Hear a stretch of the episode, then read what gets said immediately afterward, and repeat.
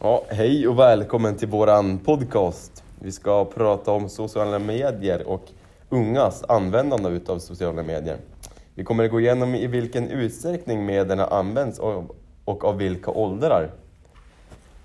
Och de som snackar i den här podden är Axel Halvarsson, Klara Hamrén och Hugo Frykman. Precis. Vårt kommunikationssätt har ju förändrats väldigt mycket under de senaste åren. Vi har gått från att inte ha någon möjlighet att ta kontakt med någon på en gång till att man på några sekunder och enstaka knapptryck på kan kommunicera med någon på andra sidan jordklotet.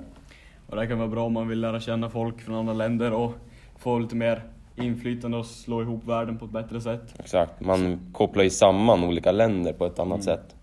Och det blir ju på många olika sätt att man kan både politiskt och på andra sätt byta tjänster med varandra. Mm, verkligen. Man delar lite på sin kultur, att världen förnyas ju ganska mycket genom att man visar hur det ser ut i ett land och så kanske de tar det till sitt eget land. Ja, och eftersom att alla länder gör det samtidigt, alla digitaliserar sig på ett väldigt snabbt sätt så kommer det gå fort att få alla länder att göra det. Mm. Kollar man bara på vilka länder som leder i utvecklingen, som har bra levnadsstandard och sånt där, så har ju många varit en stor del i globaliseringen. Kollar man på Nordkorea till exempel, som inte har varit det, så har de ju väldigt stora problem för att de har varit utan det då. Och då blir det som inte att alla är ett stort samhälle utan då blir det ju, de blir ju som utfrysta ur det där samhället som blir. Och Ja. inte i det stora digitala centret som alla andra är i. Ja, verkligen. Digitala mediers framväxt är ju en del av globaliseringen som har möjliggjort att vi kunnat utvecklas enormt de senaste 30 åren. Både ekonomiskt men också sett till levnadsstandard. Vi kan ju sända idag, idag kan vi sända information på några minuter vilket skulle ha tagit dagar för några årtionden sedan. Vad många inte vet är att flera stora medieföretag samlar in mängder av information utan vår vetskap. Det kan vara vilka sidor du varit inne på, personlig information som adresser, telefonnummer, släkt och vänner. Vad tycker ni om att de gör det då? Jag tycker det känns lite obehagligt. Mm. Alltså även fast man kanske inte gör något konstigt på telefonen så tycker jag att det känns typ bara konstigt att de kan spara da- mi- alltså min data som jag har Mm. på telefonen. Känns ju inte som att de riktigt har med det att göra. Nej, verkligen inte. Det är liksom som att de vet allt om ens privatliv. Mm. Samtidigt kan man ju få reklam om sånt som man är inne på. Ja. Ja, Jo, de skräddarsyr som eh, upplevelsen kan man väl säga. De gör den så att den anpassas efter användaren.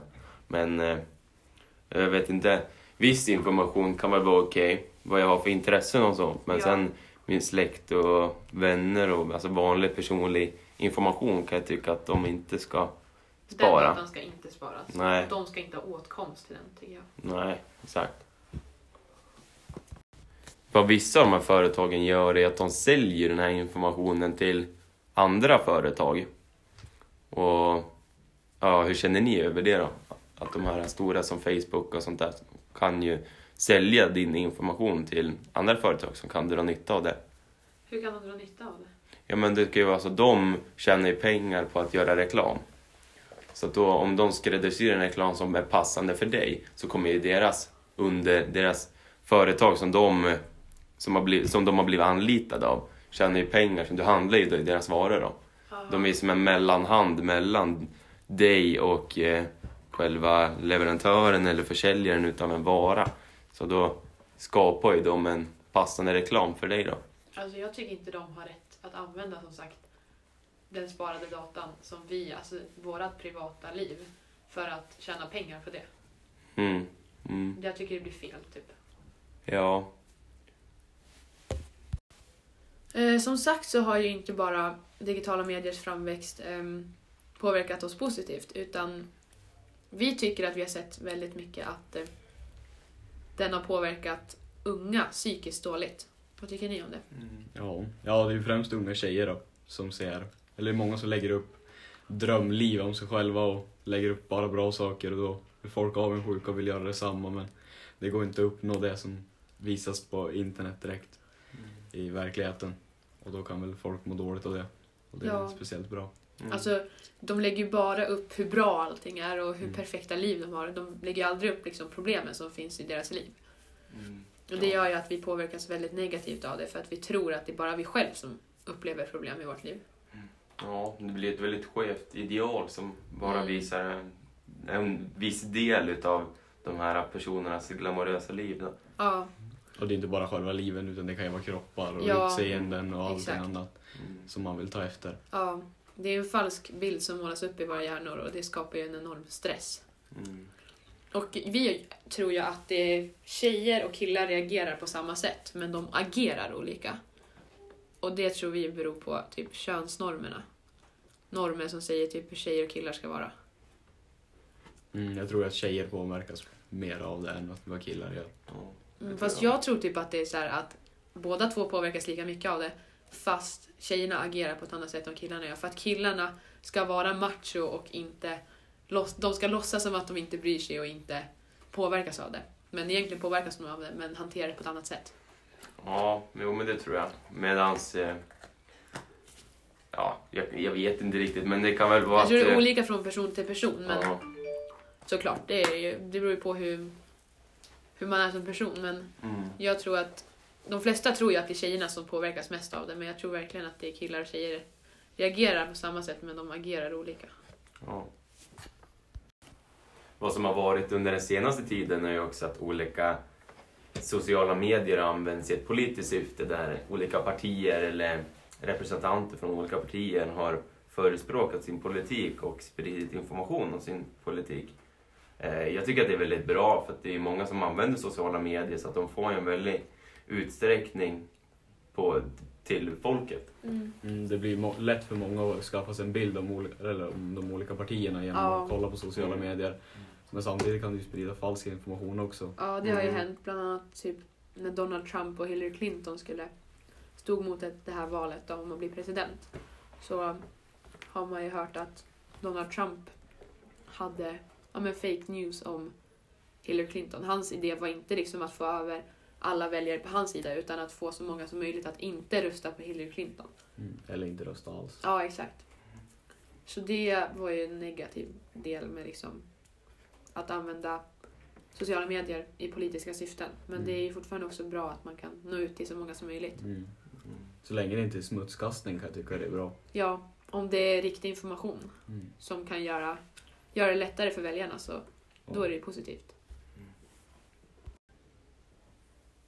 En eh, annan plattform på nätet är ju Snapchat som har blivit enormt stort bland dagens ungdomar. Jag tror att det är ett väldigt bra sätt att man kan hålla koll på vad som händer runt omkring i världen och vad ens kompisar gör men man kan också hålla kontakter med folk utan Ja. att behöva träffa dem.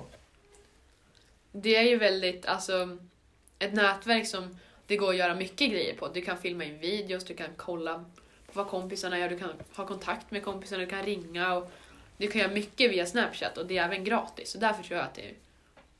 Och det är många ungdomar som har dragit sig till det nätverket så det är liksom en stor plattform som, som många unga använder. Mm.